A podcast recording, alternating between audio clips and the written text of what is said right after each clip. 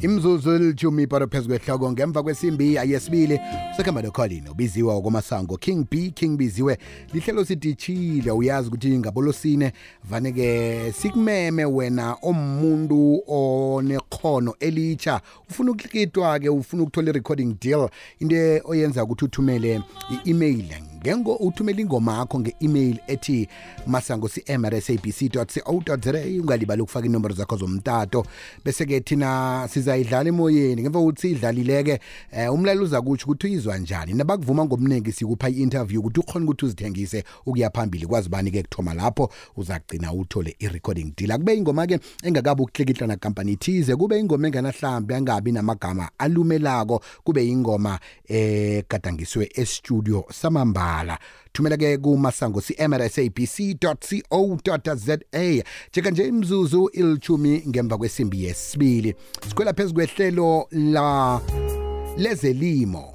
Lethelwa imfisela buhle umnyango wezelimo esifundeni sempumalanga kuthiwa ke la kune conference conference le ngehlandla lamachumi amahlanu nesithandathu. Conference ebizwa nge-conference of the south african society for agricultural extension. Sicoca nje iyalungiselelwa ukuthi-ke ibanjwe lapha-ke kzn richards bay.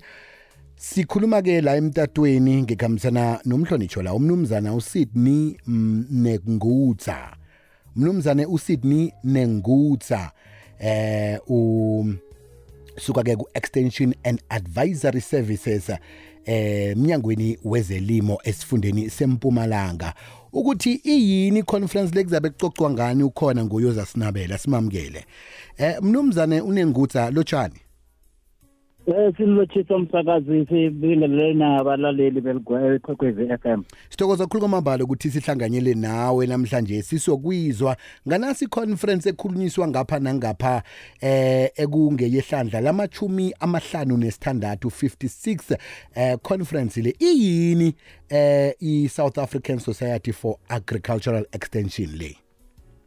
Eh ngibonge umsakazi eh i le isasa ngamafuphi imele inhlangano yabalimisi bala mzansi Afrika kodwa nabase ngaphandle nabo siyawamukela bahlangana babumbele society. Yila inhlangano yabo bakhuluma izinto zibhekane nabo ngo banga bangasebenza kanjani kangcono ka? Njengoba na-ke i-conference le eh izokubanjwa lapha ke eRichards Bay eh kuzabe kukhulunywa ngani ngapho? Begodi iza kubanjwa nini? Ukufika nini? Eh le conference eh besihlele ukuqala on the 29th nganamhla kusuku umsakazi wami. Okay ithomile sicoca nje? Yeah on baba izinto ezi ekukhulunywa ngazo lapho yini? Angizwa kahle? The some of the things that are discussed there May you please elaborate about the things, the topics, the agenda that has been discussed uh, uh, at this conference? Ngibonge kakhulu umsakazi. Eh i-senior this year they it towards building inclusive, adaptive and resilient strategies for sustainable food systems. The role of agricultural extension. Sokuthi sifuna ukwazi ukuthi si-akha indlela lengayo izoba inkuda wonke wonke umuntu and nama-strategy azokhona ukuthulekisela phambili kahle so that sikhona ukuthola ukudla lokwanele so amasimu ngaphansi kwale simu yenkulu lenye isimu ngoba uva ngithi kufuneka siyenze sibe nama-strategies a-resilient azokhona ukuthulekisela phambili noma kunzima kangakanani. Then sizame ukuthi sibe namasimu amanye athi curriculum development. Curriculum development ngintuthuko ya curriculum labafundiswa khona labalimisi ukuthi le lezifundo zabo zi-addresse ama-challenges manje. Singasathi ngoba umuntu wafunda nini nini sifuna ukuthi namanje i-addresse nga-twenty thirty bebese se-relevant. Futhi siyenza elenye into sithi exploring and developing entrepreneur. So lapha sibona ukuthi akusithi ngazuthi umlimisi so lufundisa abantu kuchithiza but abakwazi ukuthengisa. So lana sifuna ukuthi si umlimisi maluleka ama-advise lamafamasi akhe akhona ukuba advice emsatsheko bazokhona kuba ama-entrepreneur babe bosomabhizinisi futhi sifuna ukuthi siba-empowerishe ukuthi bakhona kumelana nasimo sa-constructive decision making bakhona ukuthatha izinqumo zibalulekile kakhulu. Saka Eh mnumzana unengutha I understand that not every farmer is attending the meeting the, the conference. Mhlawumbe ungathanda ukuthini kulabo eh, abangekho ku conference maybe ba representwe ngabanye. Balithola njani ilwazi? Bayithola njani a report back from the conference? Eh thingibekise le asimhlangano wabalimi umhlangano wabalimi conference yabalimisi. Okay. then eh ngempela abazange bathende bonke kodwa ke isiboneliso ukuthi nakufuna ukuthola ukuthi eh bekukhulunywa ngani la. Mm. eh impumalanga sithumele ithimba le 20 people ku Eastern District kunabantu bayi5 Okay. uma babuyela emuva bazobiza inhlangano kuba kuma district wabo babathulele le nto bebekhulunywa ngayo. Futhi after le conference isephelile bazosithumela i-proceedings of the conference. So khona kothumela ama-disk bakhona ukufunda ukuthi no bekukhulunywa ngani la. Banenge abalimi abalalela ihlelo leli bayathaba nje kodwa nasinande sikhuluma nabo sikhuluma ngabo. Kuzwakele ukuthi ihlobo leli lanonyaka lizabe lichisa kakhulu begodu ke eh, kuza kuba nento ebizwa ngeEl Nino ethinta kakhulu abalimi ithinta ke eh, nemikhiqizo ekhiqizwa abalimi. Mhlambe kunokhunye okukhulunyiweko ngeEl Nino ezako? Eh ngibonge kakhulu eliphuzu namsakazi wami le eh, umbuzo lo balekile kakhulu. Eh i climate eh kuya change. Leminyaka endlulile bese ku under lesimo bayibiza basibiza lanina. Ngilapho si isimo selitulu senza ukuthi kube nemvula eningi kundlulela. So manje eh laba la- laba laba climatologists basixwayisile ukuthi hayi this year nabo next year kuzobana lethi bayibiza i-El Nino. Lapho kwamisa kuhambisana nesomiso.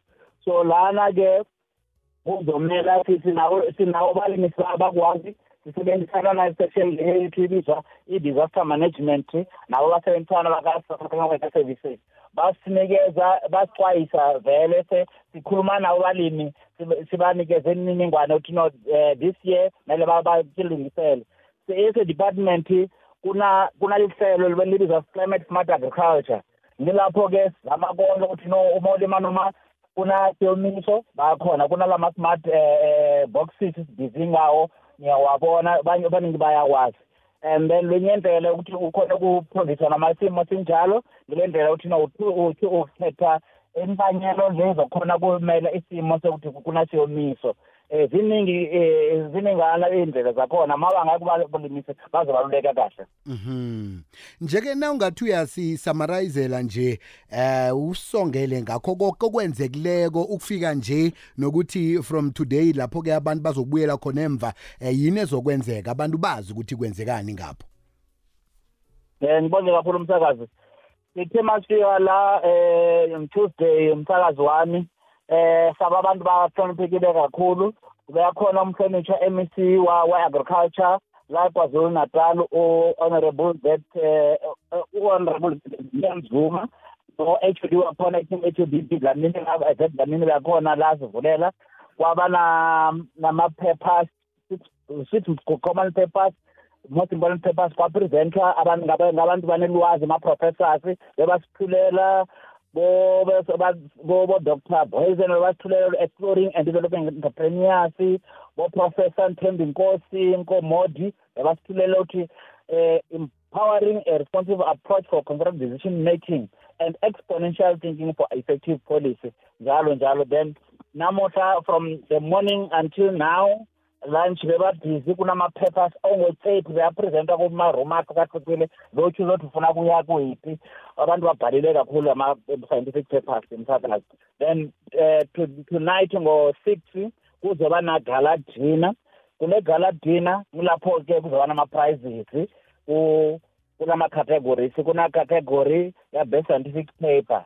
Kunama uh, independent uh, professors doctors uma umuntu apresenta asubmitile iphepha bayachecka lokuya nalokuya uya ngama-standard wabo then bayaspora. Then best scientific paper umuntu azoba bhale best scientific paper uzothola i- i-award.